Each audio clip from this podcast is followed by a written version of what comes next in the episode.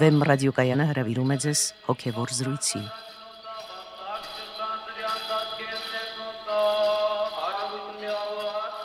Սիրելի ունկնդիրներ, Վեմ ռադիոկայանի եթերում են արժանապատիվ Տեր Մեսրոպ Քահանա Արամյանը եւ Արա Սարգսակ Նալչաջյանը։ Այսօրվա մեր զրույցի թեման է խոնարհություն։ Օրհնեցեք Տեր հայր։ Աստված օրհնի։ Տեր հայր առաջիկա Կիրակի օրվա ավետարանական ընթերցվածը Ղուկասի ավետարանի այն հատվածն է, որը պատմում է Փարիսեցու եւ Մաքսավորի մասին։ Տեր Հիսուս վերեց այս օրինակը եւ նա նկարագրեց, թե ինչպես երկու մարդ տաճարում կանգնած էին աղոթքի, մեկը Մաքսավոր եւ մյուսը Փարիսեցի, եւ Փարիսեցին իր առաքինությունները նշելով Աստծո առջև, այսպես էր աղոթում, իսկ Մաքսավորը չէր համարցակում աչքերն անգամ երկինք բարձրացնել եւ աղոթում էր Աստված ների ինձ մեղավորիս։ Եվ Քրիստոս շարունակում է. ասում եմ ձեզ, սա իջավ իր տունը արդարացած եւ ոչ թե մյուսը, որովհետև ով որ բարձրացնում է իր անձը կխոնարհվի, եւ ով որ խոնարեցնում է իր անձը կբարձրացվի։ Խոնարհությունը առանցքային հասկացություններից է առհասարակ քրիստոնեական ուսմունքի մեջ եւ կարեւորագույն մի հասկացություն մեր ներանձնական կյանքի համար։ Սակայն բարձաբանեք խնդրեմ, թե ինչու է աշխատում այս մեխանիզմը։ Ով իր անձը բարձրացնի, նա պետք է խոնարհվի եւ ով խոնարեցնի, նա պետք է բարձրանա։ Իսկապես խոնարհությունը քրիստոնեական կյանքի մեջ առանցքային նշանակություն ունի եւ այս մասին բազմիցս խոսում է Սուրբ Գիրքը այս առաքինության ամբողջ իրագործումը ցույց տվեցին եկեղեցու հայրերը իրենց կյանքում եւ Դրանով իսկ հաստատեցին, որ քրիստոնեական ճանապարհը առանց խոնարհության առաքինության անհաղթահարելի է եւ նույնիսկ այդ ճանապարհը շատ հաճախ ինքնին կոչվում է խոնարհության ճանապարհ։ Ինչու, որովհետև այդ խոնարհությունը նախ եւ առաջ ինքը Հիսուս Քրիստոս ցույց տվեց մեզ իր ճշմարիտ խոնարհությամբ եւ երբեմն աներևակայելի խոնարհությամբ նախ Աստված իր աստվածային անսահմանությունից իր աստվածային մեծությունից խոնարհվեց մեր մարդկային բնության մեջ եւ մինչեւ վերջ խոնարհվեց այսինքն կրելով ամեն տեսական արգանքներ որպեսի ազատագրի մեզ սատանայի բռնությունից եւ դրանով իսկ հաստատեց, որ որևէ մեկը եթե ուզում է քայլել այդ ճանապարհով, որը հենց ինքը Հիսուս Քրիստոսն է, ասում է ես եմ այդ ճանապարհը։ Ուրեմն Տիրոջ նմանությունը, Տիրոջ օրինակը պետք է ունենա իր անձի մեջ, այսինքն պետք է խոնար լինի։ Բայց շատ հաճախ երբ որ մենք այս եզրերը գործածում ենք, ասում ենք խոնար, լավ չենք հասկանում, որովհետև ժամանակակից լեզվամտածողության մեջ այս եզրերը հաճախ են խեղաթյուրվում։ Այսինքն խոնարհությունը երբեմն տկարության, թուլության, թուլամորթության, այլ տիպի բառերի հետ է խառնվում որովհետև տարբեր երանգներ եկել կպել են այդ բարերին եւ սա գալիս է հասարակական կյանքի ոչ հոգեվոր ընթացքի պատճառով այսինքն ինչքանով որ մարդիկ հեռանում են հոգևոր կյանքից, այնքանով էլ նրանց բառային ընկալումներն են հոգեզրկվում եւ զանազան իմաստային աղավաղումներ կրում։ Ուրեմն ո՞րն է խոնարհության բուն իմաստը։ Ըստ էության, եթե մենք փորձենք մի քիչ ավելի գոյաբանական սահմանում տալ, դա սիրո իրագործումն է։ Չկա սիրո իրագործման ուրիշ ճանապարհ։ Եվ այդ սերը, երբ որ դու իրագործում ես, դու իսկապես խոնարհվում ես նրա առաջում սիրում ես։ Եվ սա երկու պատճառ ունի՝ նախ ներքին, երբ որ դու ինքդ քո անձի մեջ ես խոնարհվում Աստծո առաջ, ճանաչելով Աստծուն, թե ով է նա, եւ սիրելով Աստծուն հարաբերվելով Աստծո հետ եւ նաեւ դիմացինի նկատմամբ, երբ որ դու նրա մեջ տեսնում ես այն վեհությունը, որ ի սկզբանե եղել է դրված նրա մեջ, հարգում ես այդ վեհությունը, սիրում ես այդ անձին եւ իսկապես խոնարհվում ես նրա առաջ։ Ուրեմն, եթե մենք սերը համարում ենք քրիստոնեական կյանքի գլխավոր առաքինությունը, ամենամեծ առաքինությունը, որ Քրիստոս աշխարհ բերեց, ապա խոնարհությունը կասեինք այդ սիրո իրագործման հենց ճանապարհն է։ Տեր ավետարանական հիշալ հատվածում Քրիստոս խոսում է Աստծո արչև խոնարհության մասին, որ իր նկարագրած կերպարներից մեկը խոնարեցնում էր իր անձը Աստծո արչև, իսկ մյուսը ոչ։ Իսկ դուք խոսում եք մարդկանց հետ ունեցած հարաբերություններում խոնարհության մասին։ Ինչ տարբերություն։ Նախ, եթե չսիրես դու քո Տեր Աստծուն, երբեք չես կարող դու քո եղբորդ սիրել։ Եվ այդպիսի հաջորդականությամբ է Տերը ներկայացնում այս երկու մեծագույն պատվիրանները, որովհետև Աստված է սիրո աղբյուրը։ Եթե դու սիրո աղբյուրի հետ կապ չունենաս, ինչպես դու կարող ես սիրել դիմացինիդ։ Մյուս կողմից էլ դիմացինին սիրելը հենց ցույց է տալիս, որ դու իսկապես Աստծո նկատմամբ ունես ճշմարիտ սեր, այսինքն դրանով է ապացուցվելու ունես այդ սերը թե չունես։ Դա բանալին է լինելու, բայց ըստ էության այն սկսում է Աստված սիրությունից։ Եթե մենք կապ չունենանք Աստծո հետ, մարդկանց նկատմամբ սերը կլինի շատ եսակենտրոն։ զանազան փորձությունների չի դիմանա։ Մենք չենք գնա ինքնազոհողության եւ երբեմն կատարյալ ինքնազոհողության, եթե մենք ճունենանք Աստծո նկատմամբ սերը եւ դիմացինի մեջ էլ չտեսնենք այդ աստվածային կյանքի, աստվածային սկզբի վեհությունը։ Ուրեմն ամեն ինչ սկսում է Աստծո հետ փոխհարաբերությունից։ Եվ ես նույնիսկ ասեմ հետեւյալը, որ ամեն մի առաքինություն սկսում է սրտի խորքից։ Նույնիսկ ասեմ, որ ամեն մի խոսք, ամեն մի աղոթք սկսվում է սրտի լռությունից։ Ուրեմն ամեն բան ներքին կյանքի, ներքին անկեղծության արդյունք է։ Իսկ ինչ էր անում Փարիսեցին։ Նա կեղծավորությամբ էր տարապում, ճուներ սերը, ճուներ էությունը արտաքին կաղապարներին էր կարճել։ Եվ բոլոր մարդիկ են այդպես, եթե էությանը անհաղորդ են, սկսում են արտաքին երևույթներից կարճել եւ դրանով կեղծիկ եւ պատրանք են ստեղծում, թե իբրև թե իրենք հաղորդ են էությանը։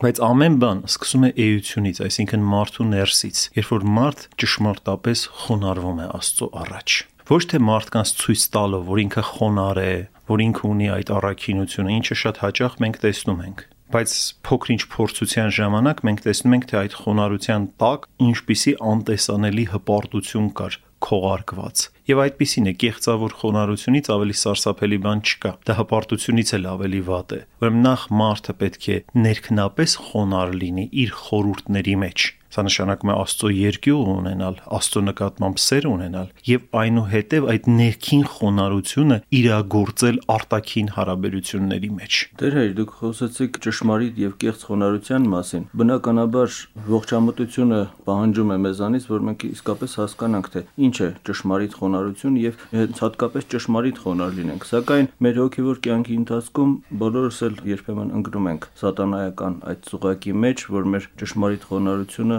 փոխարկում է կեղծ խոնարհության։ Ուրեմն ո՞րն է այն լակմուսը, ո՞րն է այն կետը, որից մենք կարող ենք իմանալ, որ ահա սատանայական փորձության մեջ ենք, կամ այլ խոսքով ասած, ինչից է սկսվում ճշմարիտ խոնարհությունից մեր ընթացքի շեղումը եւ մեր ընկնելը դեպի կեղծ խոնարհություն։ Նախ կատարյալ խոնարհությունը ինքը շատ բարձր առաքինություն է։ Ոչ ոք թող չմտածի, որ անմիջապես կարող է կատարյալ առաքինության հասնել, եւ ոչ էլ մենք մեր խոսքերով ուզում ենք այն տպավորությունը ստեղծել, որ մենք իսկապես խոնարհություն բառի խորությունը ըստ էության հասկանում ենք։ Եվ եկեղեցու հայրերը ասում են, որ դա ոչ թե պետք է հասկանալ, այլ դա պետք է ապրել։ Օրինակ նրանք ասում են, եթե ուզում ես ճանաչել, թե ինչ է Աստծո երկյուղը, պիտի ապրես այնպիսի մարդու հետ, որ այդ երկյուղը ունի, այսինքն բարակինություններ կան, որ անբացատրելի կերպով են փոխանցվում միստիկական ճանապարհով են փոխանցում եւ կենթանի կրոնական փորձառությամբ։ Ուրեմն այստեղ այս պահը շատ կարեւոր է, այդ ապրումային պահը ինչքան էլ մենք բացատրենք, մենք որոշակի օրեն փորձում ենք բարերով մոտենալ այդ հասկացությանը, բայց պահ կա, որ այլևս խոսքերը տկար են եւ այդտեղ պետք է ուղակի ապրում, կենթանի կրոնական ապրում է պետք։ Բայց խոնարհությունը նաեւ ունի զանազան դրսևորումներ։ Ինչեւ այդ դրսևորումներին անցնելը ասեմ, որ այդ լակմուսը, որի մասին հարցը եղավ, հետեւյալն է՝ սերն է մարդկանց նկատմամբ։ Եթե դու որևէ բան անում ես եւ տեսնում ես, որ դու դիմացինին ավելի սիրեցիր եւ քո մոտ իսկապես առաջացավ ինքնազոհողության հոգի քո դիմացինի նկատմամբ, ուրեմն նշանակում է դու ճիշտ ճանապարհով ես ընթանում։ Ամեն ինչի չափը, բոլոր առաքինությունների չափը սերն է։ Սերը անկեղծ, սերը սրտից բխած։ Եվ դրանով մենք կարող ենք ամեն բան չափել։ Բայց խոնարհությունը կարող է նաև արտահայտվել այլ կերպերով, երբ որ մենք դիմացինին լսում ենք, երբ որ դիմացինին չենք հակառակվում, երբ որ դիմացինի նկատմամբ ներողամիտ ենք լինում, երբ որ չենք բամբասում, սրանք բոլորը խոնարհության արտահայտություններն են։ Եթե մենք ուշադրությամբ քննենք բոլոր առաքինությունները, կտեսնենք, որ ամեն մի առաքինության իրագործում իր մեջ ունի շատ մեծ խոնարհության տար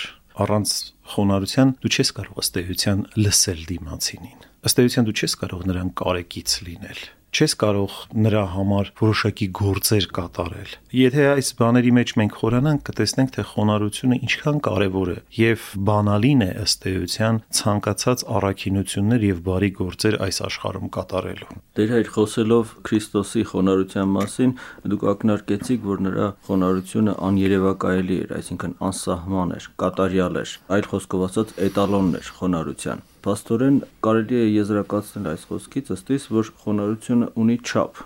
Ինչ է խոնարհության չափը։ Երբ ենք մենք առավել խոնար, երբ ենք առավել պակաս խոնար եւ ինչպես է դա դրսեւորվում մեր գործերով, առավել կամ պակաս խոնար լինելը։ Ինքը խոնարհությունը մի բան չէ, որ ինչ որ գործիքով մենք չափենք, ասենք մետրով չափենք, ասենք 1 մետր, 1.5 մետր, 3 մետր, չենք կարող այդպես չափել, որովհետև կատարյալ չափը ինքը անսահման է, որովհետև դա անսահման խոնարհություն է, տիրոջ խոնարհությունը։ Ինքը սուրբերի կյանքում կարող է այս կամ այն կերպ իրագործվել, բայց քանի որ այդ չափը իսկապես անսահման է, նշանակում է ցանկացած խոնարհության ակտ էլ իր մեջ ունի անսահմանության պահ որովհետև այդ խոնարհության գործերով է, որ մենք հավիտենականին եւ ճշմարտությանը հաղորդ ենք լինում, որոնք բացարձակ իրողություններ են։ Եվ բնական է, որ Աստված տարբեր մարդկանցից տարբեր չափով է այն պահանջելու, եւ ինքը գիտի, թե որ չափն է ճշմարիտ այս մարդու համար։ Բայց յուրաքանչյուր մարդ պետք է կարողանա իր կյանքի ընթացքում որոշակիորեն հոգեվոր տեսանկյունից իրագործվել, կայանալ։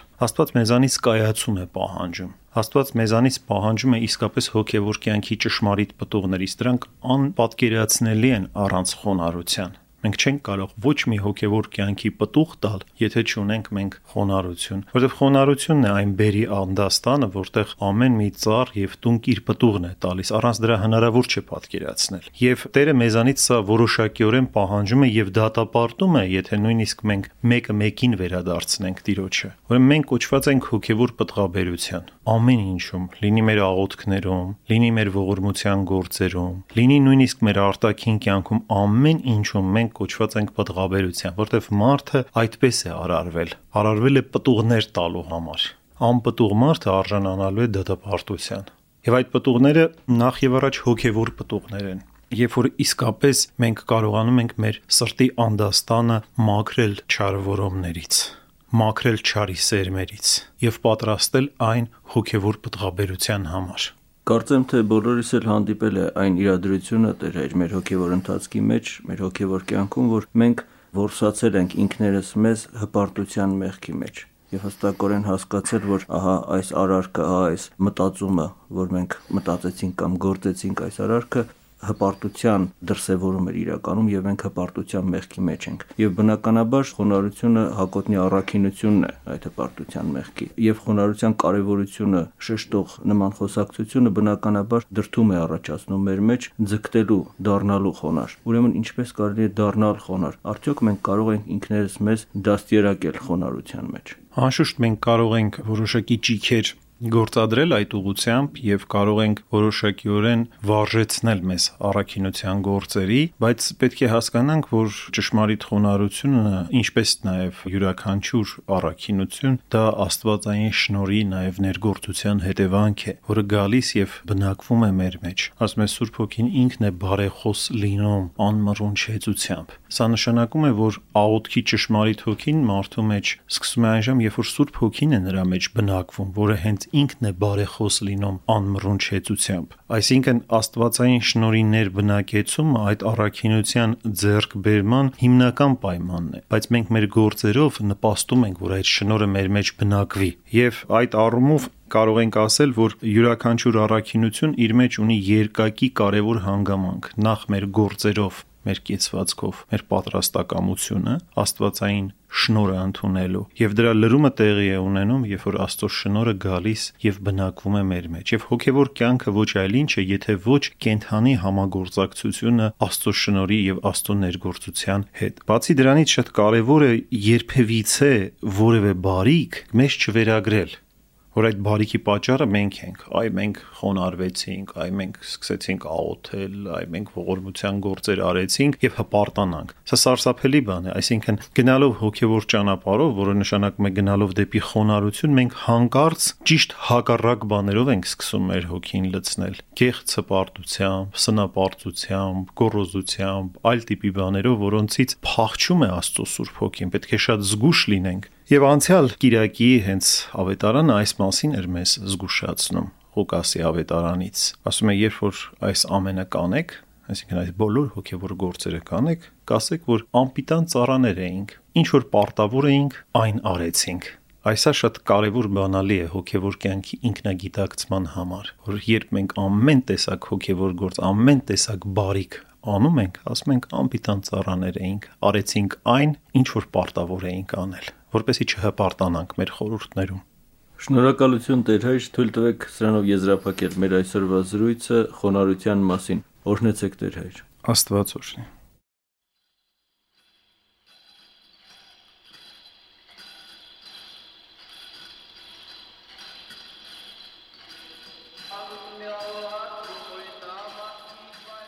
Հոգևոր զրույցներ հաղորդաշարի հերթական հաղորդումը վարեց Արաս Սարգսակյան Nalčadžana.